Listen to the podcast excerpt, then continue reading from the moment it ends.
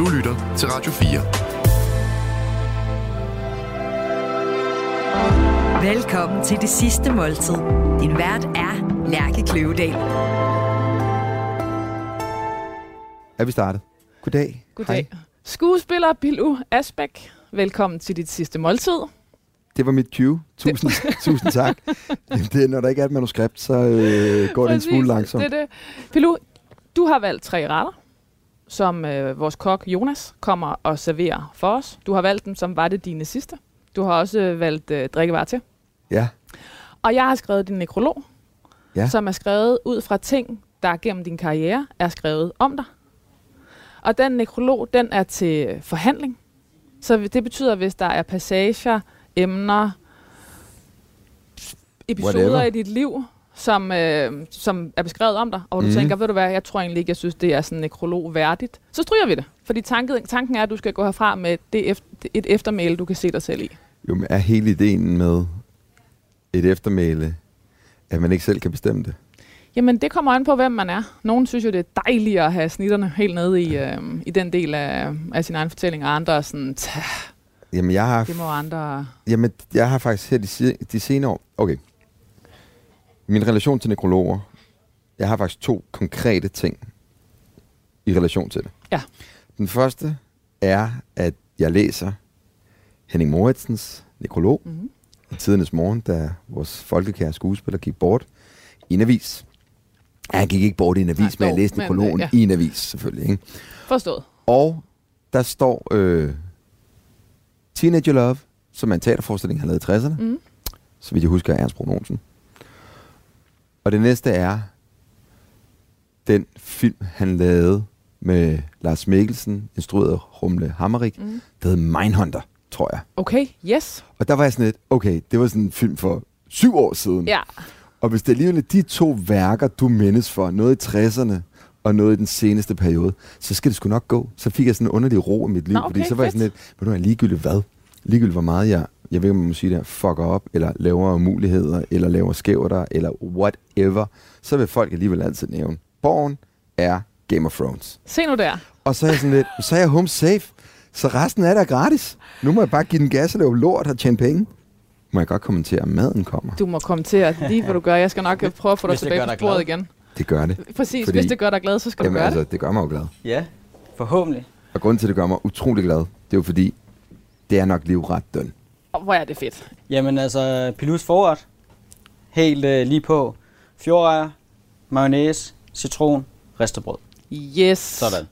Og hvad er Sommerklassiker, fjordrejer og for kulhus, kunne jeg forstå lige før.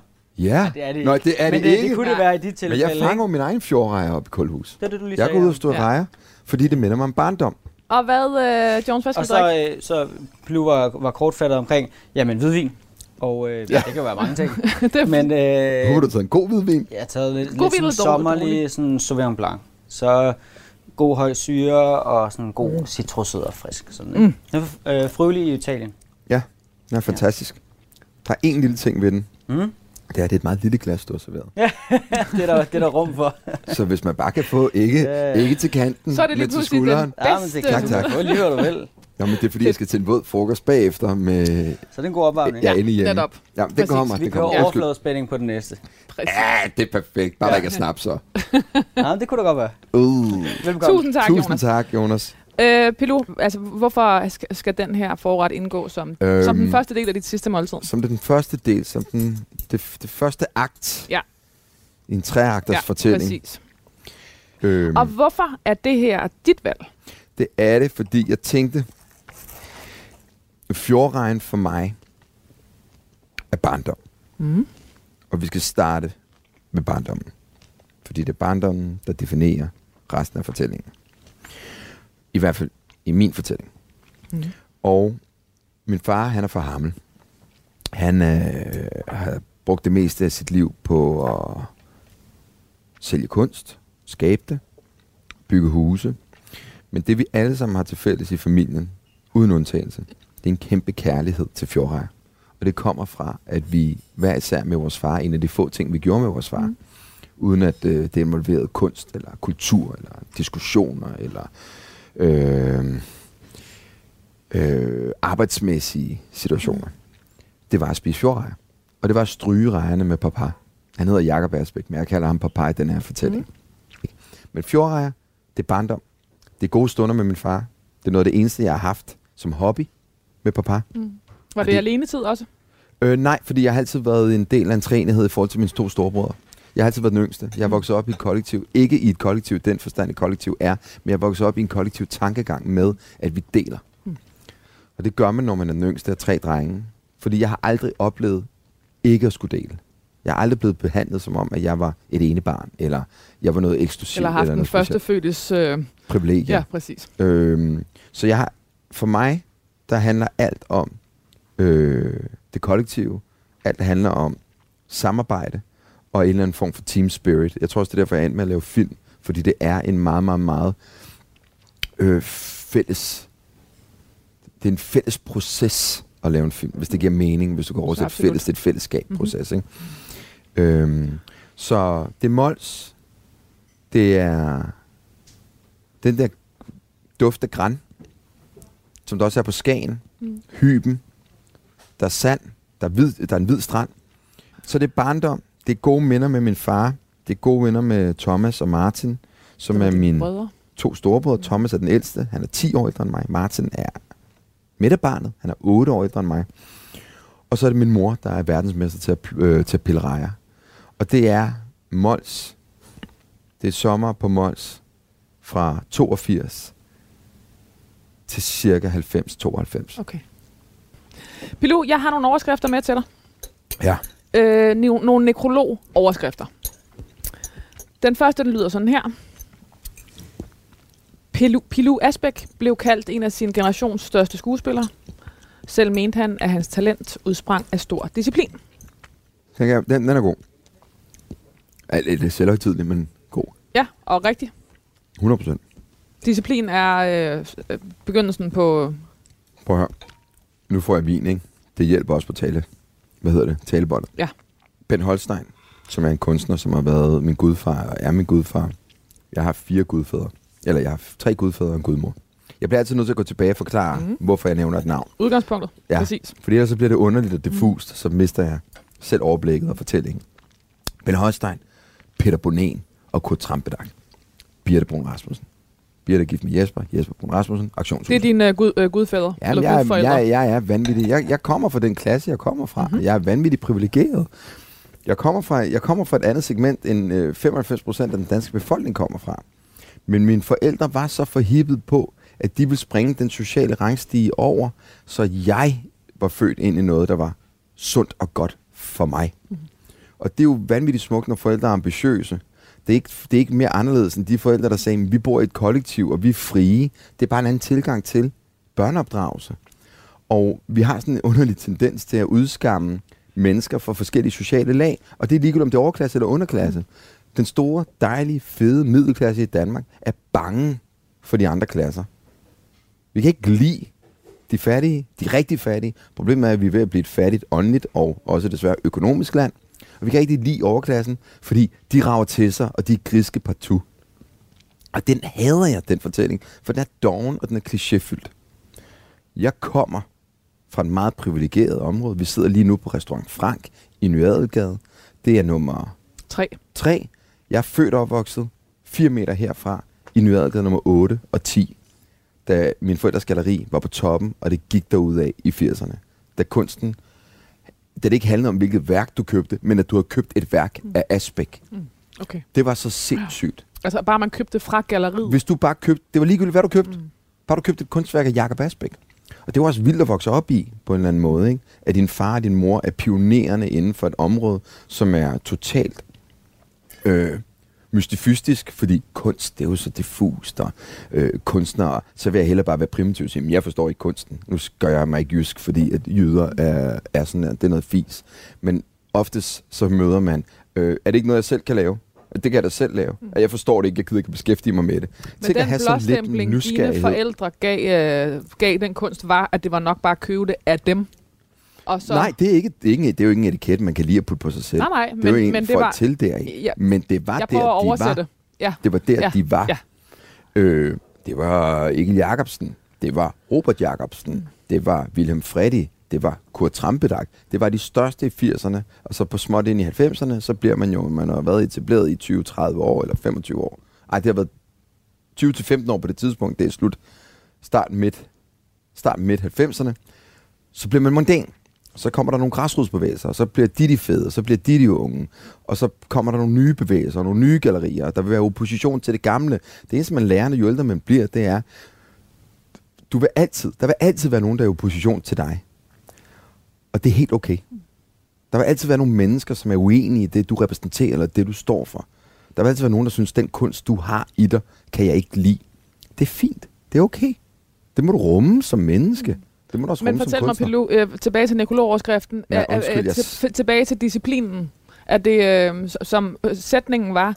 Jamen, disciplinen er, at, at, at, at, at Ben Holstein siger til mig, talent er fedt, når du er 10. Eller talent er interessant, når du er 10. Fordi resten af tiden er det disciplin. Og så lad os lave det der lille sjove matematiske regnestykke, som Bent lavede for mig. 10% talent, 90% flid, 5% held. Så siger du, hov, hov, jeg er matematiker, det giver 105. Så siger jeg lige præcis, og det er der heldet tæller. Fordi heldet kan du ikke selv diktere. Heldet er det, der sker. Der er uden for matematikken. Præcis. Så jeg får allerede at vide, som ganske ung, at hvis du vil noget i livet, og du har et talent, så skal du arbejde hårdt for at kunne formidle det her. Du har også en forpligtelse, når du har et talent, til at formidle det så godt du overhovedet kan. Det er det, jeg er vokset op med. Det er de kunstnere, jeg har set, der var i galleriet. Jeg så dem, der drak sig ned og spildte deres talent. Men jeg så også dem, der havde det minimale talent, og fik det til at blomstre på mere på disciplinen, på disciplinen mm. end nogle af de andre. Ja.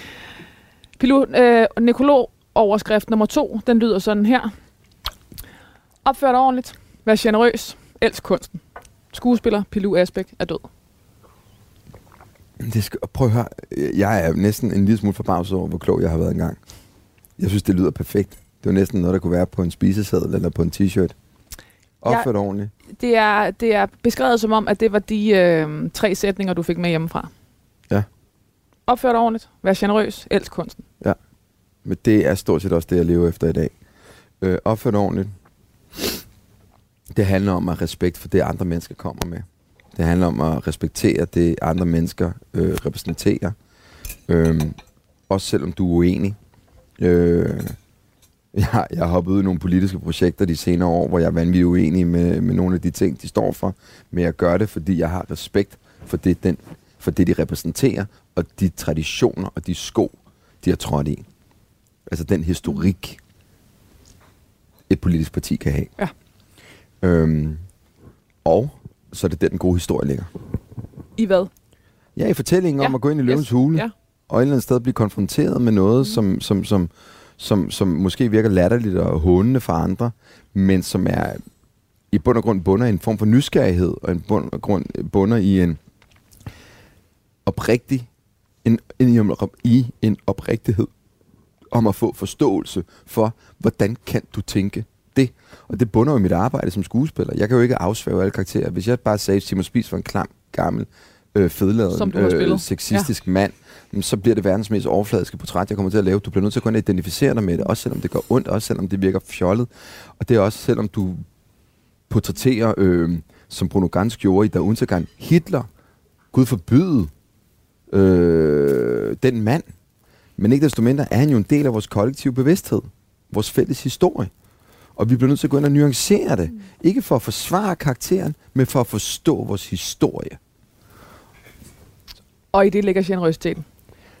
Øh, og disciplinen. Mm. Og, øh, hvad var det første, jeg sagde? Opfør dig ordentligt. Jamen, det synes jeg faktisk mere bunder i opfør dig ordentligt. Mm. Opfør dig ordentligt i alle henseender. Vær et anstændigt, ordentligt menneske. Ikke poetansk eller noget som helst. Bare opfør dig ordentligt.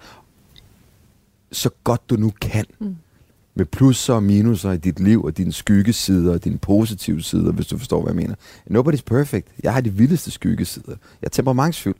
Jeg øh, elsker at feste. Jeg er en ballademager. Jeg, jeg er øh, stort set useriøs 99% af tiden. Jeg er en umulig far. Jeg er en fraværende far. Jeg, er en, jeg kan være en patroniserende ægte mand. Men jeg, jeg, er det kun i, jeg er det forhåbentlig kun i øjeblikket. Ikke? Og så er der også noget med de her tre sætninger. Opført ordentligt, vær generøs, elsk kunsten. Generositeten bunder i, at hele ideen bag skuespillet er at være generøs. Jo mere generøs du er som menneske, jo flere oplevelser får du også. Så selvfølgelig er der nogle mennesker, der vil misbruge dig, hvis du er alt for generøs med de mennesker. De mennesker vil der altid være. Og de mennesker ved tiden altid dømme efterfølgende. Så opfør dig ordentligt at være generøs. Altså det vil sige bare det at give et måltid, eller give noget af dig selv, eller gøre noget for andre, eller tænk på andre, eller tage andre lidt før dig selv. Det, jeg elsker generositet. Jeg synes, generositet er noget af det smukkeste. Fordi generositet omhandler ofte som om, kan, kan oversættes til tid. Jeg giver dig tid. Ja, og tid også nogle gange bare i, i øjeblikket, hvor kort det en øjeblik må være, må være ikke? Altså jo, i jo, men tid eller er sgu da også det dyrbareste, vi ja. overhovedet har, mand. Og jo ældre du bliver, jo mere går det op for dig. Du forstår det ikke, når du i 10'erne og i 20'erne, og så dels heller ikke i 30'erne, men lige pludselig bliver du ramt af nogle 40, hvor du finder ud af, shit, jeg er her på lån tid. Mm. Så skal jeg med mig også gøre noget godt, og jeg skal bruge min tid positivt. Og piloten sidste, den lyder sådan her. Danmarks internationale stjerneskuespiller er død.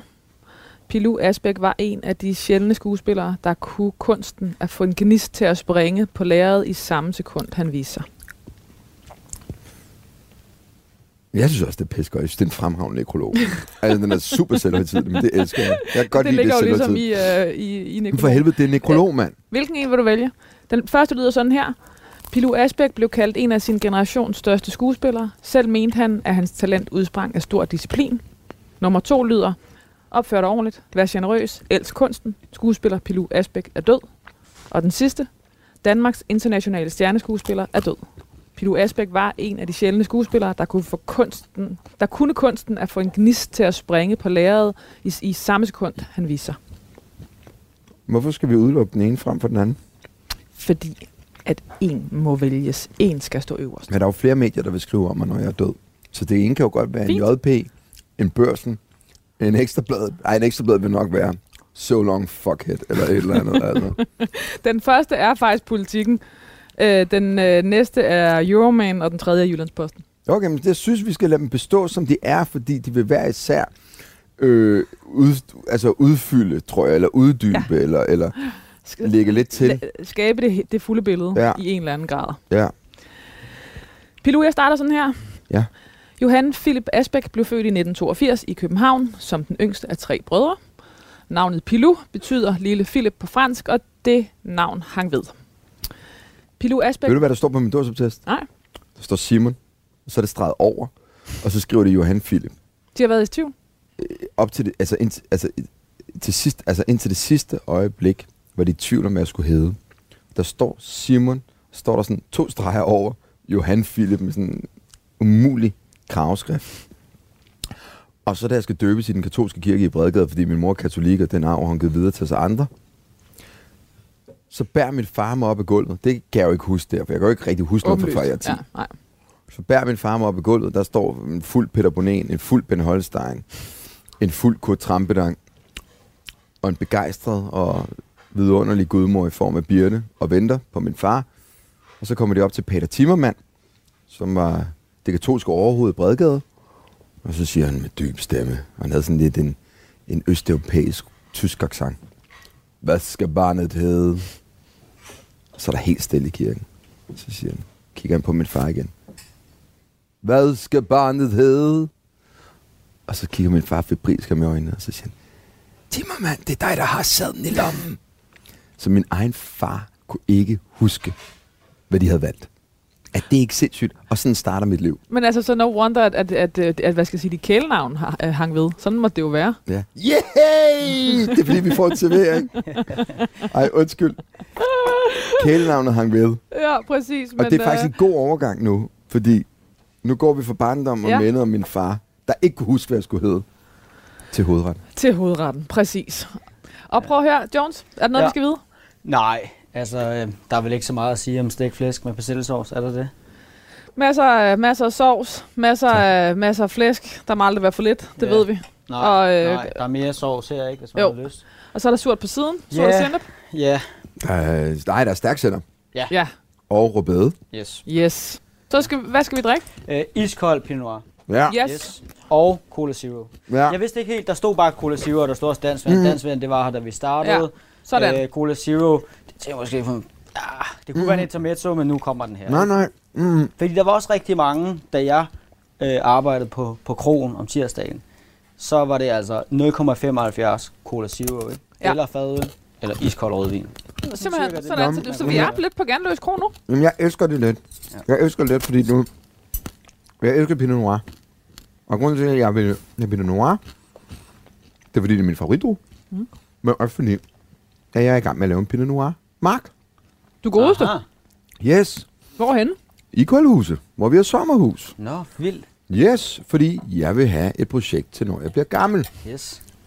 Det er meget dejligt. Tak, Jonas. Så er noget på spil. Ja, Velkommen, tak. fantastisk. Tak. tak for det. Det smager Det er godt. sindssygt lækkert. Godt. Jeg fortsætter her, Pilou.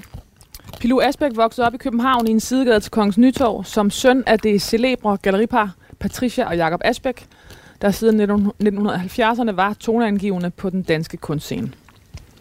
Så står der her. På, som fireårig navigerede Pilou selv rundt i Indre Bys trafik og kunne bestille en calzone med ekstra ost i pizzahuset i Goddersgade. Der var plads til store armbevægelser i det asbækske hjem, og grænsen mellem det private og det udadvendte liv i galleriet var ophævet. Ja. En blanding af flippet kunstnermiljø og meget stramme rammer med barnepiger og faste sengetider. Indtil Pilou var 12, havde han nannies, som var hos familien tre år gangen, og dem var Pilou øh, tæt knyttet til. Jeg får julekort den dag i dag for med de barnepiger, der var i så lang tid. Og jeg holder stadig meget af dem. De er jo som, de er jo som bonusmøder.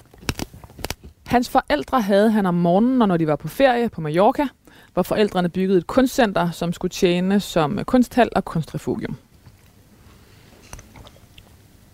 Og som den dag i dag har haft over 800 kunstnere in residence for hele verden. Privat finansieret af min far og vores families hovedpine. Fordi at det har kostet helt sindssygt på familiefronten, at min far har Havde en ambition på Mallorca. Øh, Jeg havde en ambition om at udbrede dansk kunst til en ferieø, som på ingen måde var interesseret i dansk kunst, eller hele taget kunst. Øh, Mallorca er mange ting.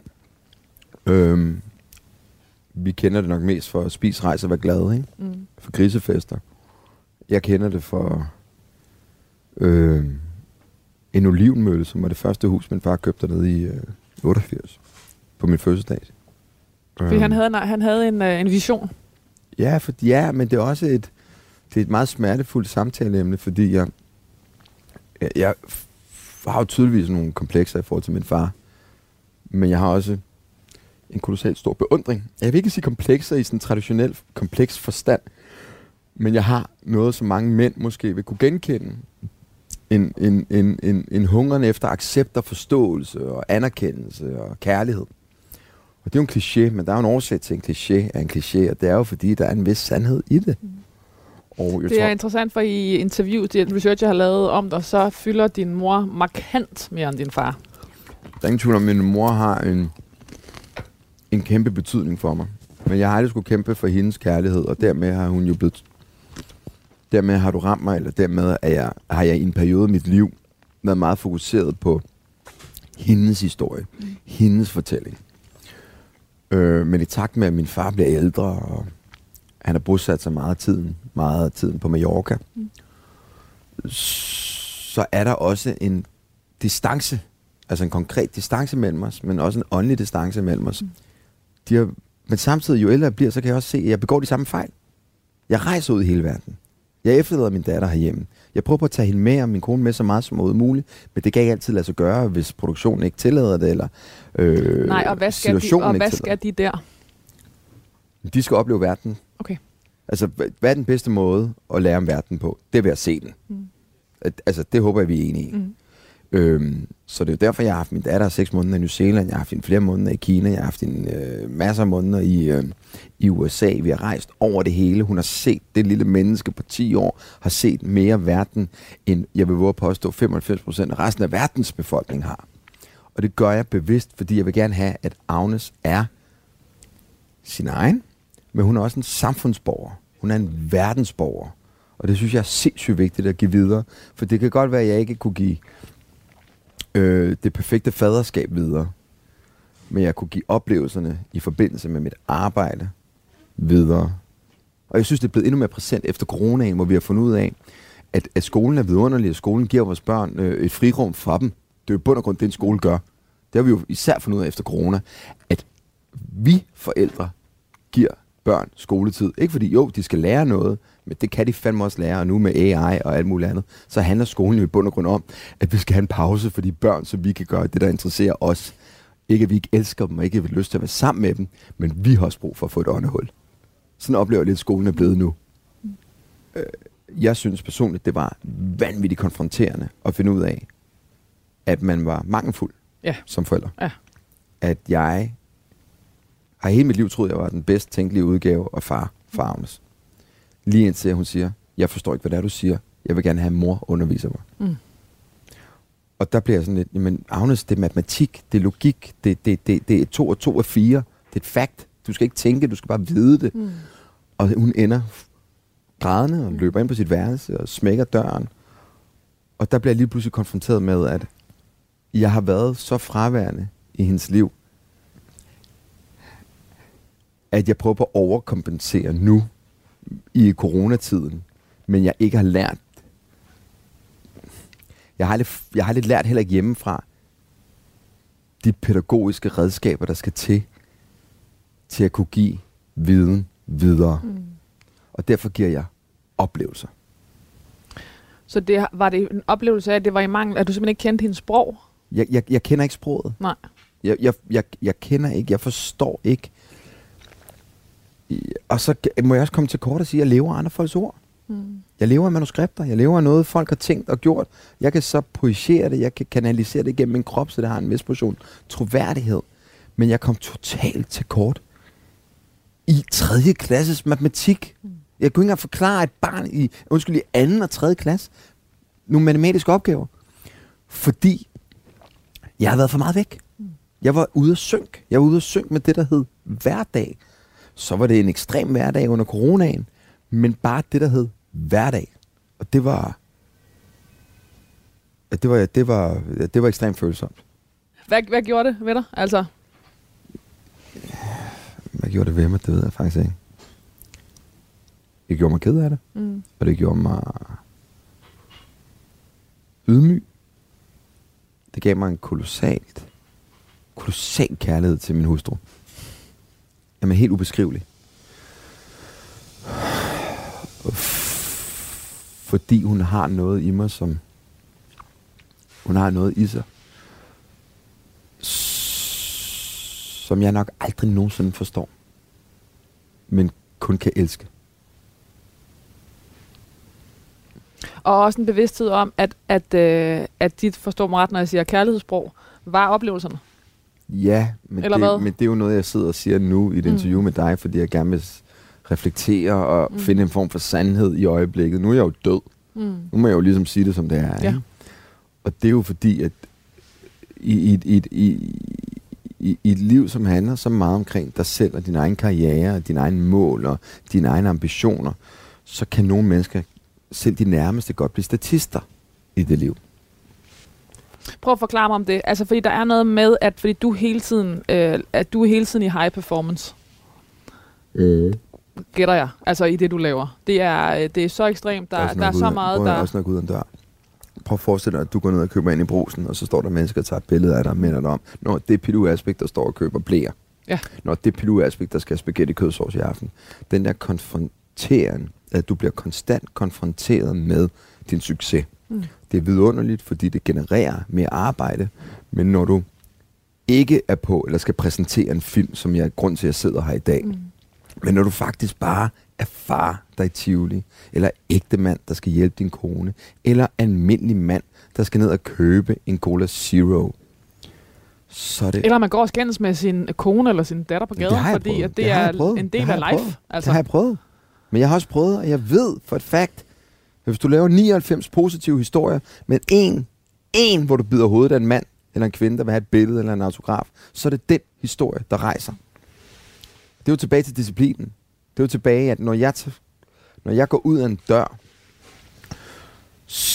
alt efter hvor aktuel jeg er med noget, så er jeg godt klar over, at jeg har givet kald på en kolossal frihed i mit eget liv. Jeg kan ikke gå på en restaurant, uden at folk synger, ah, slap nu af, så kendt er du heller ikke. Men jeg kan ikke gå på en restaurant, uden jeg ved minimum en vis procentdel af selskabet. Ved, hvem jeg er. Registrerer, hvem jeg er. Tager et billede, hvem jeg er. Og taler om, hvem jeg er. Og det er ikke særlig rart altid. Vil jeg være det for uden? Nej, fordi så vil jeg jo ikke have den karriere, jeg har.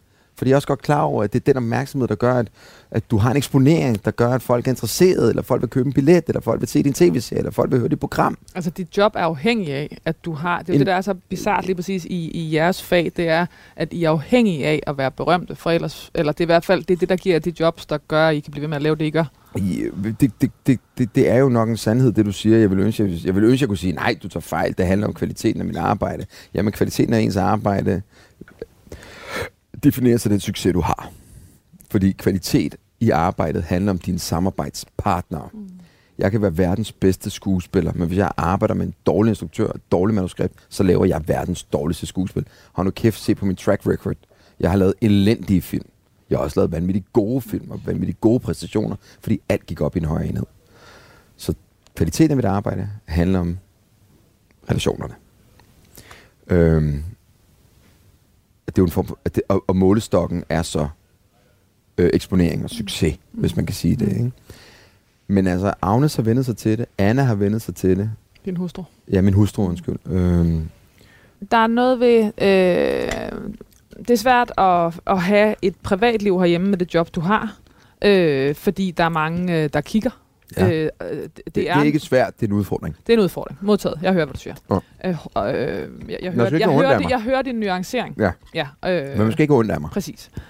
Det er en udfordring. Det ja. er svært at have et privatliv. Det, og for, forstår mig ret, det er du heller ikke den første, øh, der siger med mm. den øh, voldsomme øh, popularitet og interesse, der er for dig og dit navn. Mm. Og samtidig så er udlandet også et svært alternativ, fordi at, der, øh, at øh, det, det er et sted, hvor du kan give øh, din datter øh, oplevelser, men mm. det er også et sted, hvor du er hele tiden er på arbejde, når du har dem med. Er det rigtigt forstået? Ja. Så er der, er, er der et... Øh, er, er, der, er det sådan et vadested eller, eller et ingenmandsland? I, altså, forstår du, hvad jeg mener? Er der, er der sådan et øh, er intet sted, er det perfekte sted, udover hvis man ved, holder sig til øjeblikket? Øh. Jeg er så glad for, at du tilføjer den indskudte sætning. Ja, fordi... Til øjeblikket. At når du fordi, står med din vinstokke i... Øh, ved sommerhuset, og du ved, øjeblik for øjeblik. Men Nå, er der noget i den der fortælling, som faktisk er en... Øh... Nå, men altså, vinstokkene er jo en anden form for øh, banalt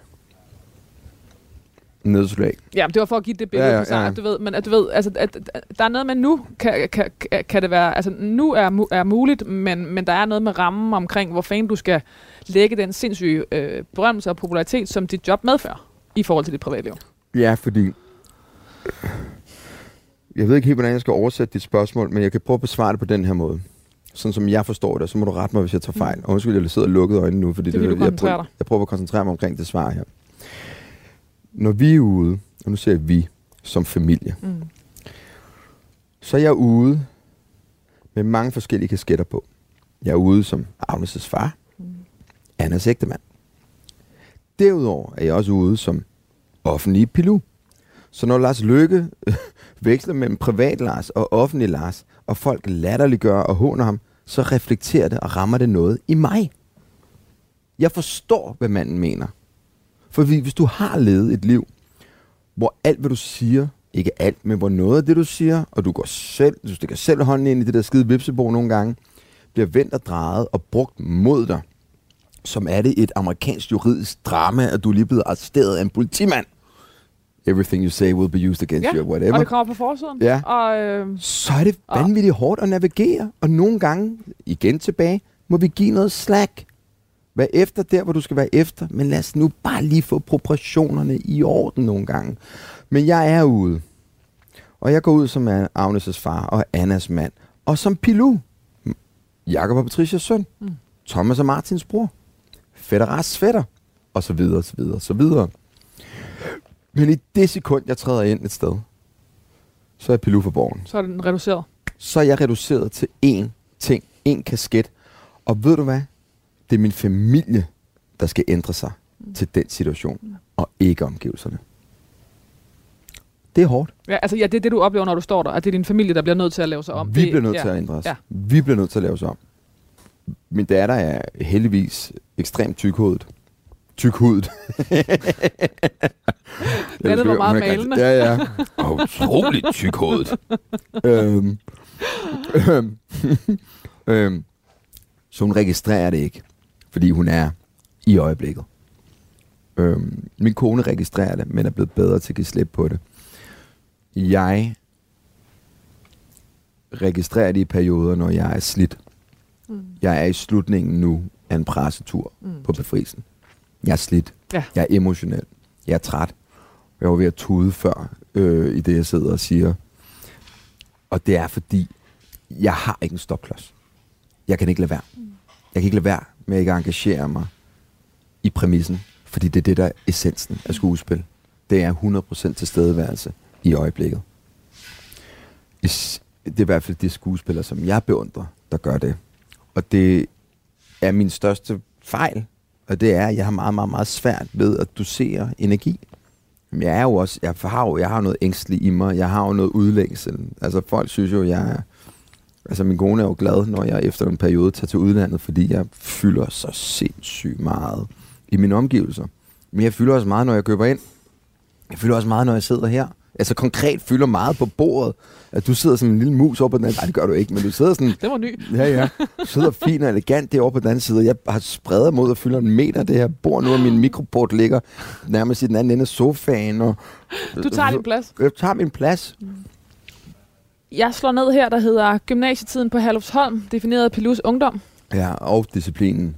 Han blev sendt ned på kostskolen mod sin vilje, Ja, havde det inderligt det Ja. første halve år, og elskede de resterende to og et halvt år, fordi han valgte at tage udfordringen med den regelstyrede skole på sig, da det gik op for ham, at folk så ham som en kvitter. præcis. Og den har jeg taget med mig resten af livet. Der er fandme ikke nogen, der siger, at jeg ikke kan. Sådan en ville han ikke være. Nej. Det var også i skolens dramalokale, at Pilou som 19-årig fandt ud af, at han ville være skuespiller, at det var det, han havde talent for. På Herlufsholm oplevede han, at de stramme rammer gav plads til større kreativitet. Hele livet havde Pilou fået at vide, at han var ukoncentreret og ufokuseret. Ja. Gennem skuespillet fandt han opmærksomheden, nærværet og tilstedeværelsen. Det er fandme en god nekrolog, det der. Det er godt, det her er fra Politiken 2010. Ja, men det var jo dengang, de var anstændige. Pilou Asbæk blev færdig på Statens Teaterskole i 2008. Det var jo et, et hop, kan man roligt sige. Ja. Øh, jeg har ikke taget årene med, hvor du søgte ind, og du ved, du kom Jeg ind i søgte- fjerde? Nej, nej, nu skal du høre her. Jeg, øh, jeg søger ind. Jeg bliver runner ude på Centropa. Er blandt andet runner på Mads Mikkelsens første film, hvor jeg skal tale engelsk. Mads ender med at blive min mentor. Hvad er det for en? Det er Vildborg ved begå selvmord, hvor han Ja. spiller læge. Øh, Øh, Jonas Scherfis. Ja, Lones, Ja. ja. præcis Lones film. Mm. Øh, der er runner. Laver friskpresset juice til Lone hver dag. Ender med, at jeg får sindssygt meget skæld ud, fordi den verden dengang var anderledes. Jeg fik blandt andet skæld ud over, at jeg udhulede osten. Du skal lave en ost. Når du skærer en ost, skal du skære vertikalt, og ikke i en lille budeform ned. Altså oppefra, ned, ned, ned og op igen. Lige ud, lige ud. Jeg puttede ned en plastikske i fire forskellige marmelader, hvorpå jeg fik at vide, øh, plastikske er pengepilu. Tror du, vi er et pengetræ? Jeg kom øh, 25 sekunder for sent med nogle skuespillere en dag, blev trukket ud foran hele holdet og latterliggjort over, jeg ved ikke, tid og penge. Altså, Centropa dengang var noget andet. Og det var benhårdt. Det er også derfor, at når jeg laver en film i dag, jeg kan love dig for at gå rundt og sige goddag til alle. Jeg kan love dig for at behandle, om du er runner eller medspiller. Du bliver behandlet fuldstændig ens. Fordi jeg er fuldstændig bevidst om, mm. hvordan der er nogle mennesker, der er over for skuespillere. Mm, kontra hvordan de er over for crewet. Det vil jeg ikke have. Som jeg ikke have, vi er på vores produktioner. Vi skal være i orden. Vi skal være gode mennesker. Det ser den. Det Ej, så- undskyld. Ej, der er det jo øh, creme eller creme. Oh, Fuck. Ej, jeg må ikke blive ved, jeg bliver ved med Ja, vandet. det må du meget gerne bande. Du er ikke Ja, i og, USA. det, du er og ikke den i er USA. ved siden af. Den er, Ja, jeg skrev ja, ja. specifikt ved siden af. Ja, Ja, jeg, okay, jeg læser det det her. nøje, hvad, du, Ej, hvor er det godt. skriver. Ej, hvor er det godt, det her. Fordi det kan jo være, at jeg ruder med et eller andet... Øh, Ja, ja, man selv har noget liggende på ryggraden, og så er det en- virkelig noget, noget andet, man har drømt om. Eller Ja. Ej, ja. hvor er Ja. det. Okay, Jonas, hvad skal vi have? Hvad skal vi have til dessert? Øhm, Vi skal have profiteroles med Ja. vaniljeis og chokoladesauce Ja. på siden. Ja. På siden. Ja. Nu skal du høre her. Ja. Kæft, Pilu, Pilu. Asbæk blev færdig på Statens Teaterskole i 2008. Ja. Samme øh, år fik han i instruktør Niels Arden Opleves film To Verdener hovedrollen som unge Tejs over for Rosalinde Mønster. Ja. I 2010 spillede Pilu hovedrollen som Rune i Tobias Lindholm og Michael Nords barske fængselsdrama R. Ja. Kritikerne kvitterede med en Bodil, og, i bra- og branchen med en Robert. Ja, jeg blev shooting star. Jeg Han blev kåret til verden. Shooting Star på Filmfestivalen i Berlin 2011. Det folkelige gennembrud indfandt sig, da han tonede frem på nationens tv-skærme som spindoktoren øh, Kasper Jul i DR's tv-serie Born. Ja. Pilu Asbæk blev kaldt en af sin generations største skuespilstalenter. Øh, selv mente Pilu, at hans talent udsprang af stor disciplin. Så kommer der her. Og en lille smule vanvid, som I tydeligvis skal høre. Og de 5 procent held, Ja. som, øh, som vi har været igennem. Ja. Pilu Asbæk investerede sig altid meget i sit arbejde. Ja, Han bed sig fast på godt og ondt. ja.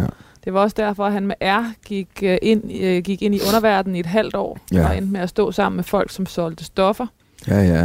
Det var derfor, han tog 20, 20 kilo på i rollen som Simon Spies i Christoffer Bo Spies og Glistrup, og det var derfor, han på kabringen isolerede sig selv fuldstændig på et skib i Afrika. Ja. På den måde var Pilu, Asbæks, var Pilu Asbæk lidt ekstrem i sin tilgang.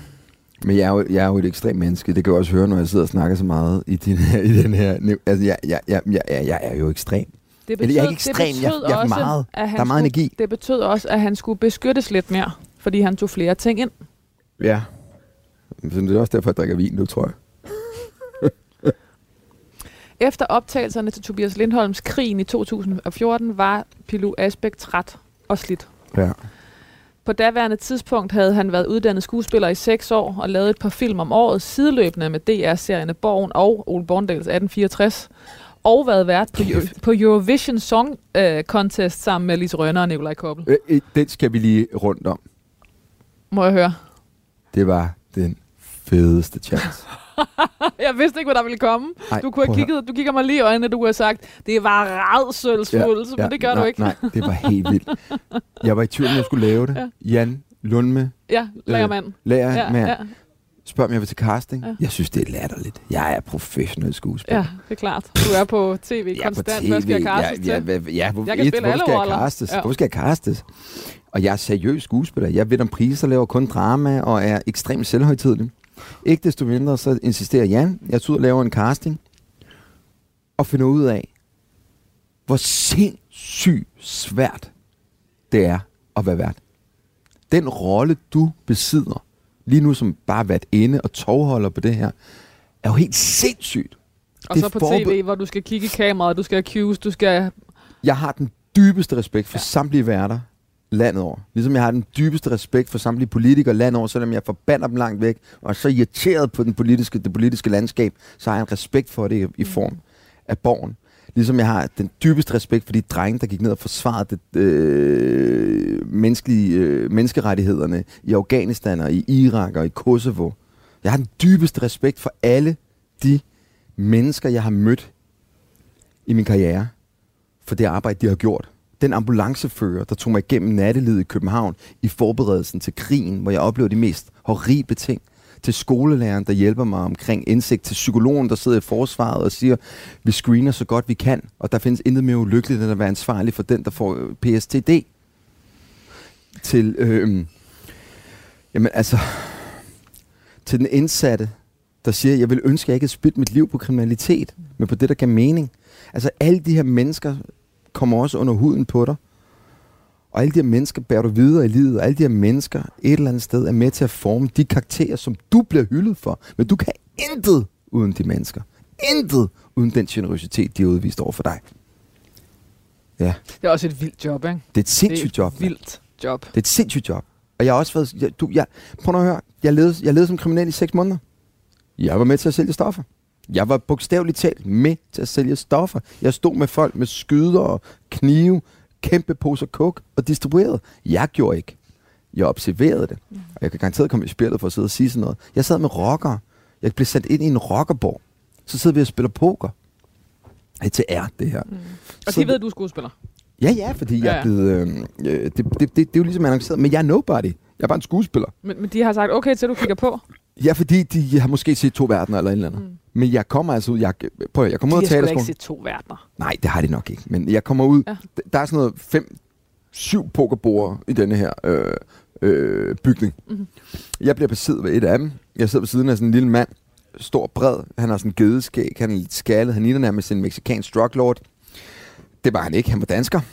Og øh, kæmpe Hawaii-skjort. Så sidder der nogle andre mennesker herover, og lige pludselig kommer to af dem op og slås.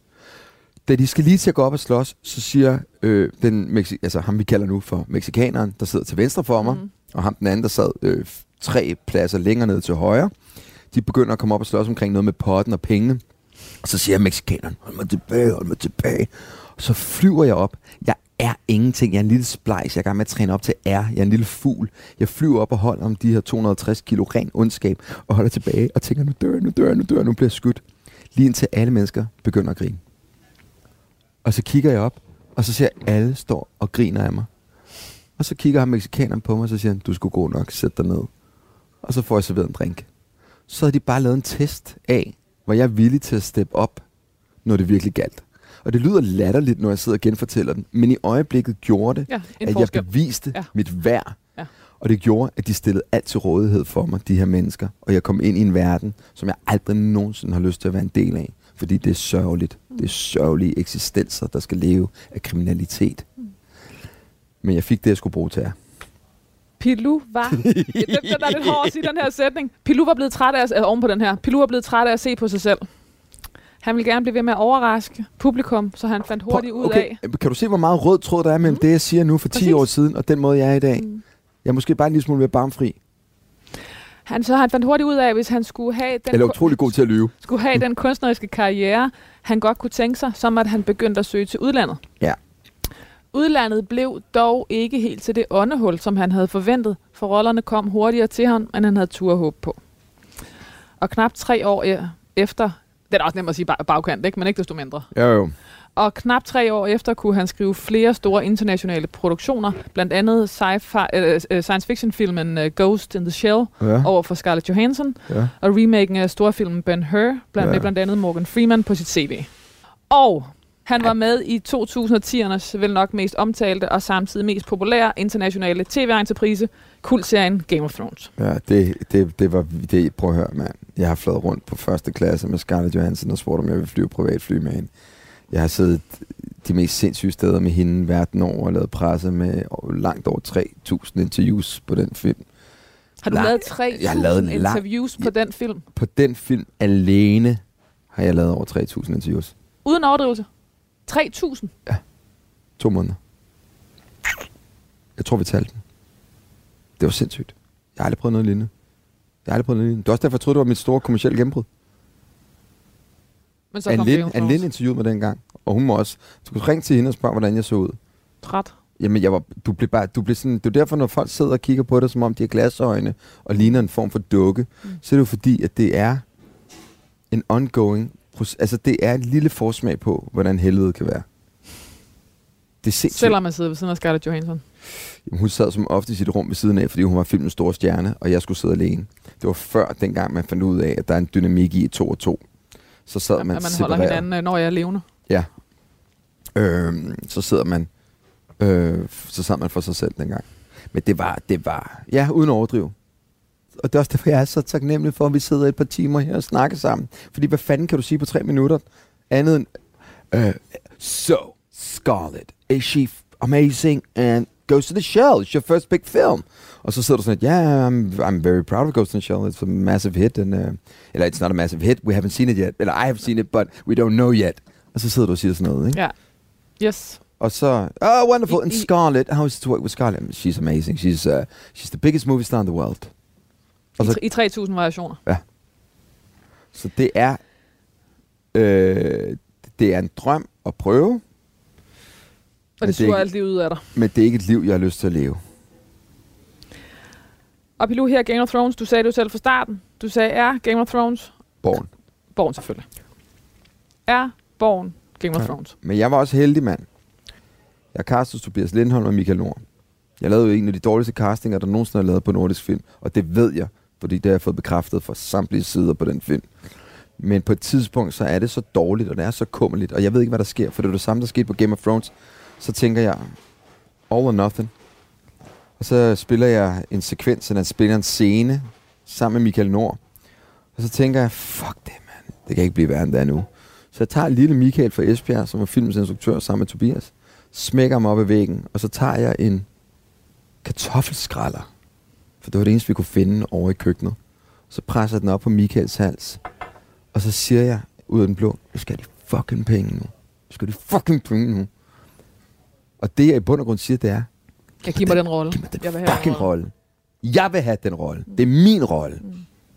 Og det samme skete i Game of Thrones? Det samme sker i Game of Thrones, og det er, at jeg er i gang med at lave en tv-serie, der hedder Stack for BBC One, som er en øh, britisk komedie. Så tækker der en besked ind på min telefon fra Ulrik Møller og Louise Kastenskjold, som er mine to øh, danske repræsentanter her. Dem, der forhandler og står for alt praktisk. Mine managers. Dine managers? Øhm, Game of Thrones gerne vil se mig til en casting. Og der er det allerede verdens største serie. Ja, præcis. Og det er givet vi selv at sidde og fulde med i. Det er, det gætter jeg på. Det, gjorde det er, det gjorde Jon Snow er lige død. Og hele verden venter på det om næste. Han lever.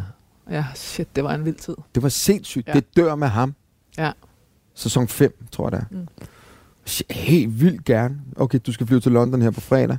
Du skal caste med Nina Gold, som er ubestridt den største caster i verden. Hun er castet Game of Thrones. Hun er blevet den største. Prøv at forestille dig, det sindssygt godt arbejde, hun har lavet. Mm. Så flyver, Hele vejen rundt. Ja, men det er helt vildt, ja. mand. Og hun har bare... Hun har bare castet de vildeste fucking ting. Jeg har dummet mig lidt over for hende med den anden historie. Jeg sagde nej til Star Wars, og det var hende, der castede den. Og det må man åbenbart ikke. Du må ikke sige nej til Star Wars, og slet ikke, når du har fået rollen, og I er midt i en forhandling. Men jeg vil bare hjem. Jeg var træt. Jeg gad ikke mere. Jeg var færdig. Det var slut. Udlandet. Væk.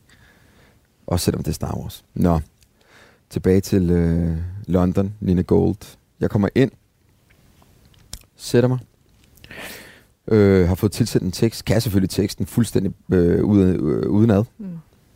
Går ind og så laver jeg den første scene, og det er, øh, det er fuldstændig som det skal være. Det er en dansk skuespiller, der er pisse nervøs i London. Og ikke helt er til stede, fordi at følelserne overskygger hans talent. Det sker, det sker. Ja, ja. Ja, ja. Altså, det er sket, altså, det er sket mange gange.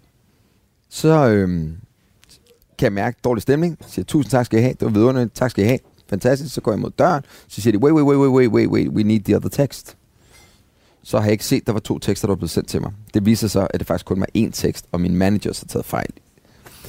Men det kan du ikke bruge til noget af det, det der? kan jeg ikke bruge til noget, og så siger jeg, det har jeg ikke vidst, og jeg bliver helt ulykkelig, for det, tænker, det gik for ondt til værre. Og så siger de, ved du hvad, Pilu, øh, improviser over det. Det her er situationen. Og så siger jeg, okay. Så stiller jeg mig foran kamera, og så begynder jeg at improvisere og det bliver dårligere og dårligere og dårligere, og jeg bliver mere og mere manisk, og jeg bliver mere og mere gakket, og til sidst, så går jeg nærmest til, og så står jeg med ham der Robert, og, er, og ved at give ham en skalle, og lige da jeg skal til at give ham en skalle, så giver jeg ham en tungeslasker. og så tænker jeg, det var det. Der røg den rolle. Og et lawsuit. Ja. og så kigger jeg over på Dan og David, og for at sidde fuldstændig apatisk og trætte, så sidder de som to små drenge juleaften med store øjne og kæmpe mund og er sådan her. Fordi de så det uforudsigelige Euron Greyjoy. Og igen, det var et øjebliks vanvid, som de havde brug for.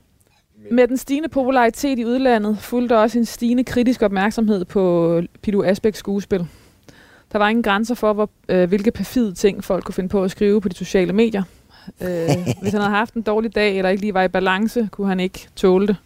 Mm. Der var mange mennesker, ofte de mest dedikerede fans, der havde en mening om, hvordan han skulle spille, for eksempel i Game of Thrones. Det er vildt. Men Pilu... Jeg vil Asbæk... påstå, det havde jeg fik på den serie.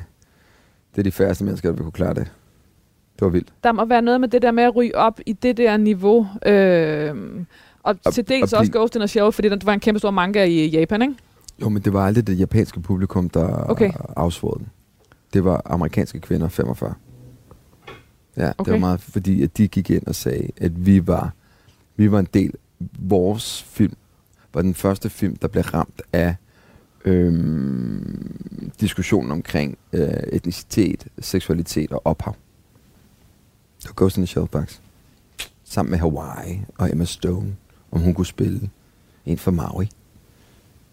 Det er det, det der med, om man kan sætte sig på den rigtige side af historien. Er der overhovedet en mulighed i dit, uh, i dit job? Det ved Men jeg ikke. Jeg vil forholde mig rettigheden. Altså, jeg, jeg, det vil jeg gerne have lov at svare ja. på, fordi det er en ret vigtig ja. point der. Jeg vil forholde mig rettigheden efter fire års uddannelse at kunne spille samtlige roller, jeg overhovedet har lyst til. Så kan det være, at det er privilegieblindt, men jeg har taget en uddannelse, der giver mig talentet, værktøjet, muligheden for at skulle kunne lave hvem som helst, hvor som helst, når som helst. Og det er det, jeg synes, der det hedder den kunstneriske frihed. Så er der nogle roller, som er uacceptable i min egen optik, mm. eller uschammerende, eller ulogiske i min karrierevalg. Men jeg vil som udgangspunkt, som kunstner, have lov til at lave alt. Så kan vi diskutere nuancerne lidt senere. Det mener jeg 100%. Modtaget.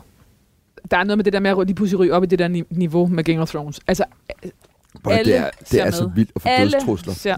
Har du fået dødstrusler på grund af filmrådet? Jeg har fået dødstrusler, mand. Jeg har fået dødstrusler. Jeg har haft mennesker, der har opsøgt mig i mit hjem på Nørrebrogade. Det er derfor, vi har fået privat adresse nu, som stiller mig til regnskab for at have ødelagt verdens største tv-serie. Det er helt sindssygt, mand. Jeg har haft mennesker, der har nærmest verbalt overfaldet mig på gaden foran min familie.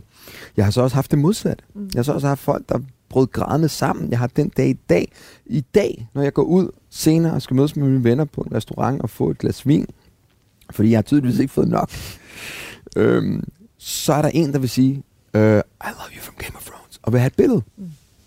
Men det er voldsomt. Tak. Pilu Asbæk beskrev selv, at hans eget største talent og den klogeste beslutning, han havde truffet karrieremæssigt, var at blive kærester med dramatiker Anna Bro.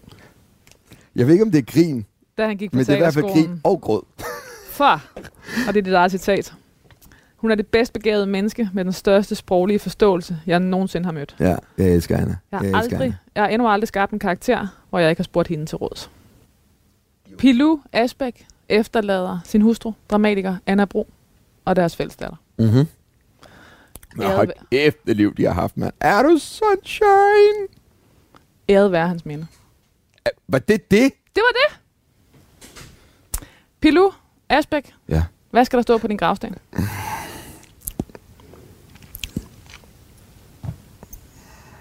Jeg vil gerne have mit navn på. Du, du er ikke en ukendt. Du skal ikke i, i, i de ukendtes... Uh... Jeg vil gerne have mit navn på. Og så vil jeg gerne have øh, fødselsdato, fødselsår. Så vil jeg gerne have den dato, jeg dør. Og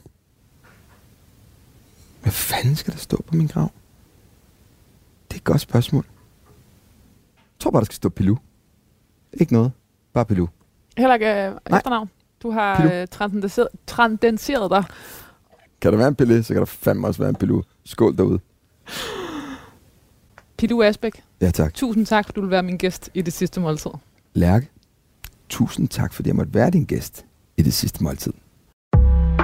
Du lytter til det sidste måltid på Radio 4. Det sidste måltid, det er Jonas Frank. Han er vores kok. Kasper Risgaard er vores klipper og producer. Agnete Slitkrole tager alle billederne til programmet. Anna Paludan Møller laver researchen. Michelle Mølgaard, hun er vores redaktør på Radio 4. Jeg er din vært. Jeg hedder Lærke Kløvedal, og jeg har fundet på programmet. Tusind tak, fordi du lytter med.